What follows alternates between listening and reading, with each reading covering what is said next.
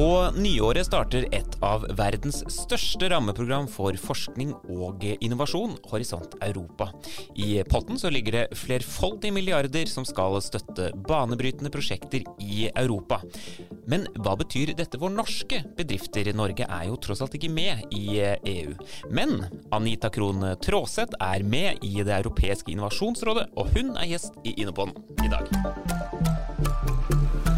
Velkommen til oss, Anita. Tusen hjertelig takk. Det er veldig hyggelig å ha deg i disse lokalene her i Akersgata igjen. Jeg sitter her oppe i sjuende etasje igjen. Ja. Velkommen til deg også, Håkon Haugli. Dere har jo drevet podkast før, da. det må vi jo bare si helt innledningsvis. Ja. Det er veldig stas at Anita er her og vi kan lage en ny Innopod sammen. For i sin tid så hadde jo vi startet jo vi en Innopod. Ja, vi startet i 2016, faktisk. Så Neste år Håkon, så har Innopodden femårsjubileum. Da må vi feire. Ja, og utgangspunktet var jo eh, var, Jeg lurer på om det var en idé som kom fra kommunikasjonsavdelingen i Innovasjon Norge. Det var jo Frank da, Langva som eh, etablerte en podkast. Og så hadde vi lyst til å gjøre det sammen med en partner. Og da så vi til Abelia, som var veldig opptatt av kunnskap og innovasjon og teknologi. Og, og du var leder da, Håkon? Da var, det er riktig. Ja. ja. Så da tok vi kontakt med deg, Håkon. Ja. Lurte på om du hadde lyst til å være med og lage pod. Ja. Og det er mange episoder siden. Og så har det skjedd mye siden. Og, og nå, Anita, eh, er jo du da med i Det europeiske innovasjonsrådet. Og det er jo det vi skal snakke om eh, her i dag. Kan du først fortelle hva er det? ja, hva er det for noe? det høres kanskje litt mer sånn rådsaktig ut enn det det egentlig er. Ja. Og det er veldig mye mer enn bare en sånn representasjonsrolle. Selv om jeg skal være helt ærlig, Arne, da jeg kom første dagen til Brussel, mm. og vi var 22 stykker samla rundt et bord, alt fra professorer til investorer til gründere, og, og også folk med virkemiddelapparatbakgrunn, mm. Håkon, mm. som du og jeg har nå. så tenkte jeg at dette blir en sånn sandpå... Hva heter det? Sandpåstrøing. Sandpåstrøing. Eh, og her kommer det ikke til å skje så mye. Men da styrelederen reiste seg opp, og dette er en ganske stor irre, eh, på nesten ja, litt over 1,90 og så sørger han for at det er helt stille rundt bordet, og at alle har hans blikk mot, rettet mot seg. Og så sier han bare Now you have a license to misbehave. Så tenkte jeg dette blir moro. Nå har jeg kommet hjem. jeg har kommet hjem. Var det i Brussel at det er innafor å være litt annerledes? Nei, så det, det er rett og slett altså det er, noe, det, det er, et tredje ben i eh, EUs eh, satsning, eh, program, store programsatsing. Det er en plattform for innovasjon og utvikling rett og slett av SMB-bedrifter. Små og mellomstore bedrifter. Så kan vi jo diskutere, da. Eh, I Norge sant, så har jo gjennomsnittsbedriften langt under ti ansatte. Så et tysk SMB-bedrift er jo ofte litt større. Der er de på medium, eh, mens en liten, altså eh, små bedrifter i Norge har jo to-tre ansatte. Så det er klart at for de er det litt vanskelig mm. å konkurrere her. Men eh, ja, så hele målet er rett og slett en erkjennelse, en dyp erkjennelse i hele Europa om at vi er nødt til å omstille etablert industri raskere. Vi er nødt til å bygge flere nye arbeidsplasser.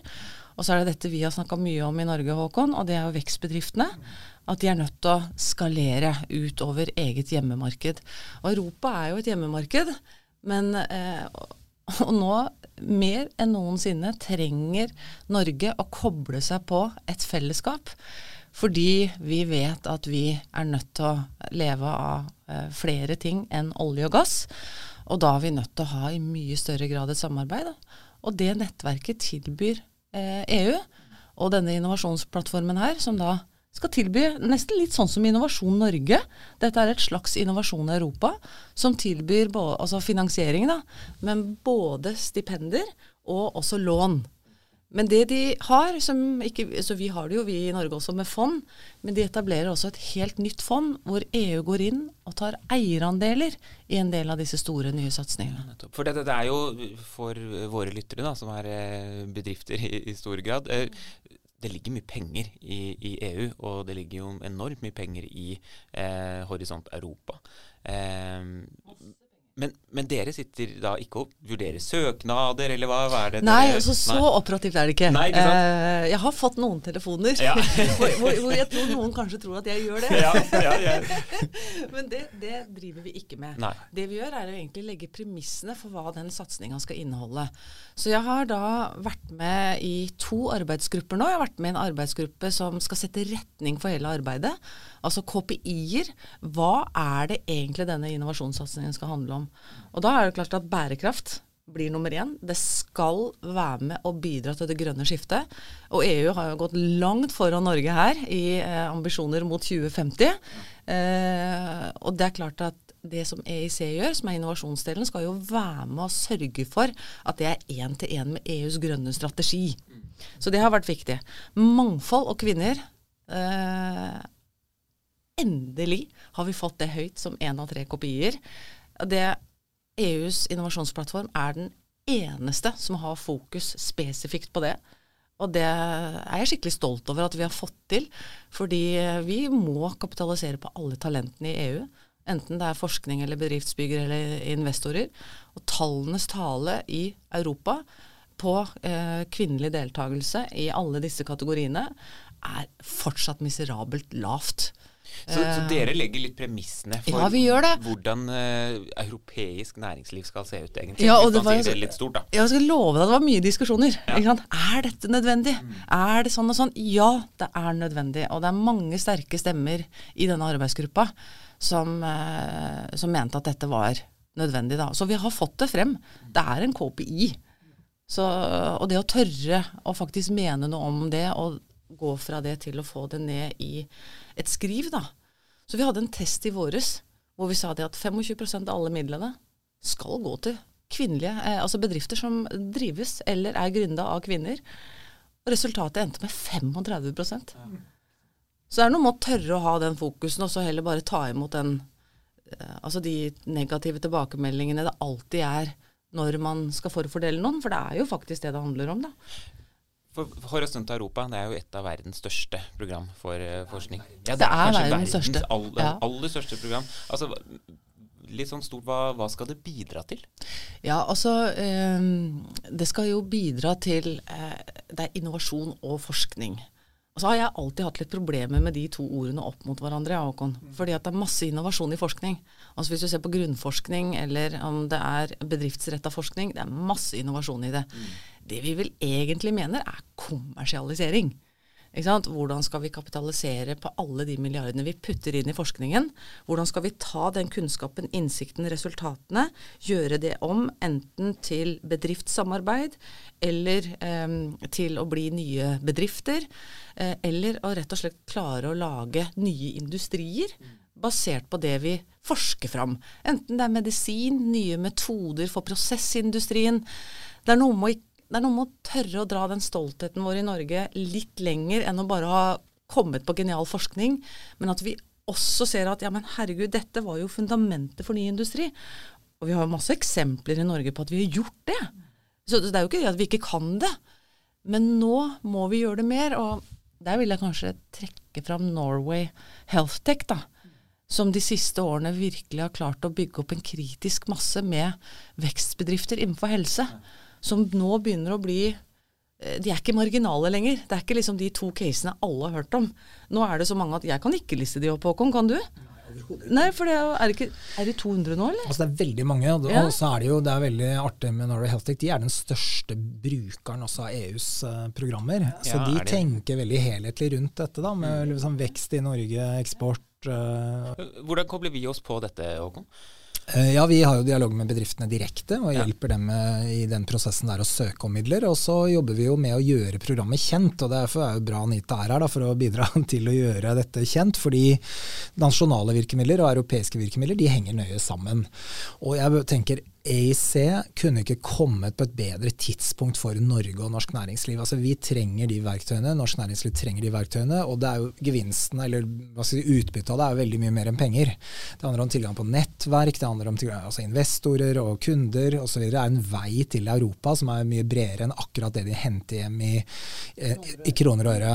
Men det er også viktig at vi lykkes med det, for det er selve plattformen. og Det er utrolig gøy i sommer. Da var det en utlysning som var grønne grønne, skalerende selskaper. Norge var det landet etter Frankrike som eh, hentet absolutt mest, altså en halv milliard totalt.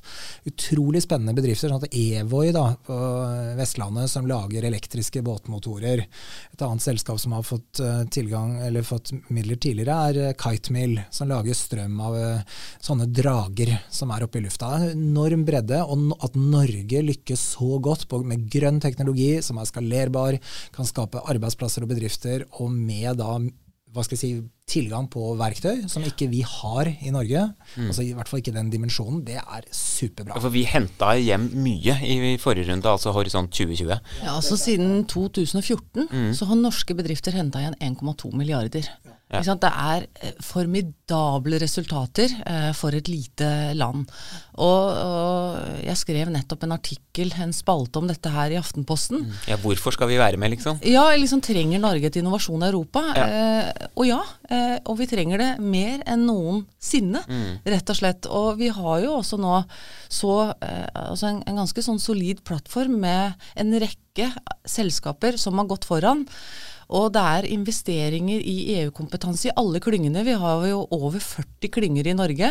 Og det er fortsatt et stort potensial for flere av de å kunne lære av noen av de beste. Men en av årsakene til at Norge og norsk kompetanse og norsk teknologi gjør det så innmari bra, handler jo litt om den innovasjonsbølgen vi er i nå, den sjette. Og den handler ikke om rein IKT. Det har vært veldig mye sånn fokus på at hvorfor kan ikke Norge lage et Facebook? Hvorfor lager vi ikke Skype? Hvorfor lager vi ikke Ikea? Norge er ikke et forbrukerorientert land. Norge er et bedrift-til-bedriftsland. Altså Hvis du ser på olje og gass, typisk. ikke sant? Eh, vi er, er 5,2 millioner mennesker. Vi, vi, er ikke et stort eh, for, altså vi har, ikke, vi har, ikke, mange forbrukere her, eh, sammenligna med, med, andre land i Europa. Ta Tyskland, da. ikke sant? Hvor mange er det? 80 millioner. Eh, ta Kina, da. 1,5 milliarder mennesker. Sånn at eh, de kan ha et hjemmemarked som er helt annerledes enn det vi har i Norge. Altså For et norsk bedrift å lykkes i Kina kan jo bare bry seg om Ring 3 i Beijing så har du tripla markedet. Sånn at eh, den måten å tenke på er litt annerledes, da. Men eh, sånn at det, eh, når det gjelder timingen, så er det veldig riktig det som Håkon sier, at det handler ikke bare om hjemhenting av kapital til bedriftene, selv om det også er veldig viktig. Det handler om hjemhenting av nettverk det handler om, som andre bedrifter også kan ta del i, det handler om hjemhenting av kompetanse. Fordi vi er ikke best i verden på kommersialisering, og vi gjorde en undersøkelse i 2016 eller 2017 og fikk tilbakemelding fra europeiske toppsjefer om at Norge dere er superflinke på innovasjon. Dere er knallgode til å lage spennende piloter. Vi er litt Reodor Felgen. Men å skalere, det kan dere ikke. Så vi er gode eh, fra null til én, mm. men ikke fra én og oppover. Men sånn som jeg har forstått litt eh, prosjektene, hvis man ser det i en helhet, de som har fått støtte til nå, så er jo det veldig mange prosjekter som er, løser litt det du er inne på. Altså løser utfordringer for bygg, innbyggerne, for samfunnet. Ja. Er det en grunntanke i, i, det europeiske innovasjonsrådet også? Ja, absolutt. Men det er jo også på en måte en av kjennetegnene ved den sjette innovasjonsbølgen. At nå handler det veldig mye om bærekraftige systemer. Det handler om deep tech, som jo Norge er ganske så god på, og som veldig mange land i Europa er gode på. Det handler med, med altså skalering. De, alle selskapene som har fått penger, har teknologi i bånn. For det skal, det skal, være med eh, og bidra til å løse reelle problemstillinger for mer enn ett land. Ja. Eh, og de løsningene hos de norske bedriftene kan også selges og implementeres i andre typer land. da. Så det er jo derfor vi kommer eh, Altså eh, deep tech, som er veldig komplekst, det kan nordmenn veldig mye om. da. Eh, material, teknologi, altså all den teknologien som vi har holdt på med i 45 år i Nordsjøen, er jo veldig applikerbart. enten det er ren energi, eller det er helse, eller det er annen, altså biotek. Eh, agrikultur, agritek, er jo et av de store satsingsområdene framover. Og eh, i EUs eh, strategi så har de jo lagt veldig mye vekt på sirkulærøkonomi. Altså gjenbruk. Eh, og der har også Norge mye å, å, bringe til bordet. Det er mer enn tommer og pante flasker. Eh, men det som er interessant, er jo at alle de reglene som kommer nå fra EU på sirkulærøkonomi Ta f.eks. mobiltelefon. da. Eh, vi har jo forsikring på mobiltelefonene våre. Og hvis jeg mister den nå, så kan jo jeg få en ny en. I framtida så får du ikke det. Eh, altså, en ting er hvis du har mista den, men hvis jeg har knust den, da, og den ser helt ødelagt ut, så må jeg vise til forsikringsselskapet at jeg har forsøkt å reparere den først. De vil ha en kvittering på at jeg har forsøkt å fikse den.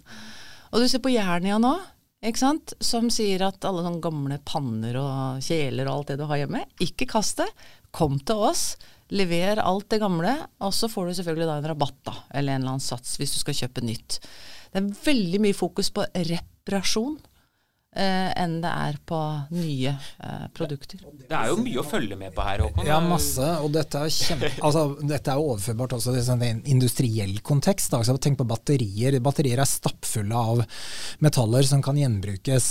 Eh, og kan brukes inn i nye batterier, kobolt f.eks. Og der er, vi, er det prosjekter i gang i Norge på å se på hvordan kan vi bygge industri da, som er en sirkulær industri. Og dette er jo veldig bra at EU driver dette fram, og du stilte et kjempegodt spørsmål hvorfor gjør man, hvorfor gjør man endringer. Horisont Europa ligner på Horisont 2020 som vi er på vei ut av, men det er forskjellig på noen veldig viktige områder.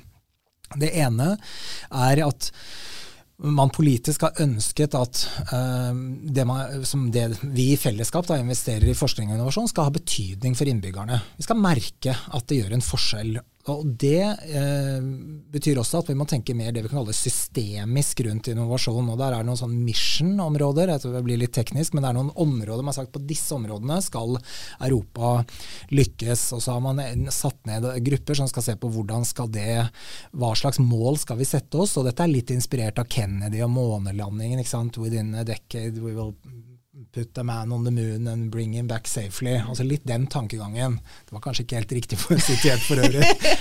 Men det er litt det. Og der ser man på ren mat og jord, man ser på sirkulærøkonomiske løsninger, altså smarte byer. altså Det er en områder som er kreft, er identifisert. Så Det er en annen viktig forskjell. Det vil kreve samspill mellom forskningsmiljøer og næringsliv for å få det til, og ikke minst innbyggere. Og Den tredje viktige forskjellen er det som Anita eh, sitter i, det rådet, eh, Innovasjonsrådet. Eh, som, eh, og det er ut fra en erkjennelse at Europa har ikke lykkes like godt som Kina og USA med å skalere selskaper, av gode grunner og av mindre gode grunner. Så det at da de europeiske landene går sammen og skaper mekanismer da, som skal gjøre det enklere for europeiske bedrifter å skalere. Det er bra generelt, men det er kjempebra for Norge. For vi har det behovet i nesten enda større grad enn resten av Europa. Fordi vi vet at vi skal leve av noe annet i landet om ikke så altfor lang tid. Det betyr at vi har eh, veldig behov for å utvikle nye konkurransedyktige eksportnæringer. Og de må være bærekraftige, og de vil være teknologibaserte, og de vil være business to business, bedrift til bedrift. Så her får vi på en måte en, en verktøykasse da, mm. gjennom EU. Og, og hvis man sitter og har spørsmål da, om disse tingene Det er jo veldig mange begreper her, det er mye å sette seg inn i. Altså, det er jo EU-systemet, Anita, det er jo mm. massivt ja, ja, ja, for en bedrift i Norge som, som uh, sitter og tenker hva, hva, er det jeg kan gjøre da for å uh, få da skal de ringe Anita. Da ringer de Anita personlig. Da gir de ut nummeret for dem. Nei, men, nei, vi, vi, er jo ja, veldig involvert i dette. Og absolutt. Og det er avhengig, altså, ta kontakt med Innovasjon Norge i nærheten av der dere har kontor, eller bedriften er begynt. Og det, vi samarbeider jo med Forskningsrådet og andre virkemiddelaktører på å få koordinert dette. Så begynn et sted, og så skal vi henvise videre. Og så skal vi bistå i prosjektsøknaden helt frem frem til man er der hvor man pitcher da, til de som tar de beslutningene om finansiering. Og det, all, og det, er viktig, her er det utlysninger, så bedriften må tilfredsstille de kriteriene som ligger i den utlysningen. Dette er ikke bare en helt åpen Nei. adgang for alle. Nei. Så man må følge med på utlysningene, og vi vil aktivt informere bedrifter vi vet har et nedslagsfelt innenfor de ulike uh, utlysningene. Ja, og så gå til klyngene, fordi at uh, som bedrift så tilhører du en eller annen næring, stort sett. Ja. ikke sant? Og det, det har kommet masse gode klynger nå som også er uh, tverrfaglige. Og og det er klynger som eh, har søknader og som har lært mye i prosessen. Og jeg har lyst til å bare si til de bedriftene at jeg vet at, eh, at EU er litt mytebelagt. Og, og, jeg må jo si at jeg hadde jo det eh, inntrykket selv, at det, ja, det er tungt og det er byråkratisk. og hvis man syns det tar lang tid, det norske byråkrati, da er det hundregangeren i EU, ikke sant. Men det er ikke min opplevelse, altså. Helt ærlig, jeg vil nesten si det, eh, eller jeg vil ikke nesten si det, jeg vil si det rett ut. EU ligger langt foran når det gjelder å ta beslutninger på hvordan de skal eh, forme sitt virkemiddelapparat sammenligna med Norge. De ligger langt foran. Eh, og, og jeg, altså, hvis du tar EIC, da, så er jo det blir en egen juridisk enhet fra 2021 med en pott på 100 milliarder. Så dette er jo ikke bare en sånn vi fremmer innovasjon, send oss en søknad, og så hører du aldri noe mer. Her ligger det masse penger. Eh, og hvis du eh, på en måte har en løsning som er med og bidrar til det grønne skiftet, og den er teknologibasert, eh, og også ofte Altså én ting er at eh, ting som er forskningsbasert, ofte så har de miljøene et, en helt annen relasjon til EU, Håkon. For de har forskningssamarbeid på tvers, og ERC, da, som er det motsatte, European Research Council, hvis du går nesten til hvilket som helst forskningsmiljø i Norge, så kjenner de til ERC. Det har en kjempegod sits. EIC har ingen hørt om noe særlig ennå. Eh, ennå, da. Nå nei. er du, du kan, her nå, så da ja. Men du kan jo tenke at det var litt krig i begynnelsen også internt i EU. Mm. fordi at dette er jo penger som kanskje har gått til andre ting, som man nå plutselig skal putte inn i kommersialisering. Men det er et veldig godt samarbeid på europeisk nivå mellom ERC og EIC, da. Mm, og disse tingene henger jo sammen nasjonalt også, og det er veldig viktig å få fram det. Den gode gode, tette koblingen som er mellom norske forskningsmiljøer og, eh, og ERC, altså europeisk forskning, er jo kjempeviktig. Og, det, og til, på tilsvarende måte må vi bygge gode veier da, for norsk næringsliv inn i EIC. Og, og, så er det kobling på tvers mellom de to, bl.a. gjennom disse eh, områdene, eller missions. Vi må finne et bedre norsk ord for det, merker jeg. Men eh, det er viktig. Formål? Formål, så mm. formålsdrevet innovasjon. Mm. Og det handler jo om at istedenfor alle de der tellekantene at du må liksom eh, passe inn i 100 000 kriterier, og du må komme fra det og det miljøet, så sier de er, er denne teknologien eller løsningen med på å forbedre eh, f.eks. For forvaltningen i hav, i verdenshavene. Er dette noe som kan enten fjerne plastikk, eller eh, er det datadrevet som gjør at vi kan få en helt annen type informasjon om havene og hvordan vi kan mitigere altså, Her er det veldig mange muligheter. Men jeg, jeg må jo si på slutten her, Arne, at løsningene som er nå på, i Europa, det er veldig kompletterende til Norge. Mm. Sånn at eh, jeg tenker det er en fordel, ja, hvis man eh, allerede kjenner det norske virkemiddelapparatet, som jo veldig mange norske bedrifter eh, gjør. Det sitter så mye gode eh, tidligere kollegaer som kan masse om EU-systemet, og de bedriftene blir holdt i handa. De blir trent på pitching, eh, alt som kan virke vanskelig. Man går igjennom hva er det de egentlig spør etter. Og Det er jo ikke noe sånn at man skal tilpasse søknaden sin. Det er jo ikke det det handler om. Man skal lære seg å beskrive den på en annen måte enn man kanskje har gjort tidligere, for å gjøre den mer relevant for et større publikum. Det er det det handler om. Det får bli en oppfordring til alle de som uh, hører på i dag. Ta kontakt med Innovasjon Norge. Ikke deg, ikke deg personlig, Anita. Eller klyngene. Eller klyngene. Ja, det er flere kontaktpunkter her. Men det var veldig hyggelig, Anita, å ha deg i Innopoden i dag. Det blir spennende å følge med på Det europeiske innovasjonsrådet videre. Tusen takk for at du kom. Tusen takk også til deg, Håkon Haugli.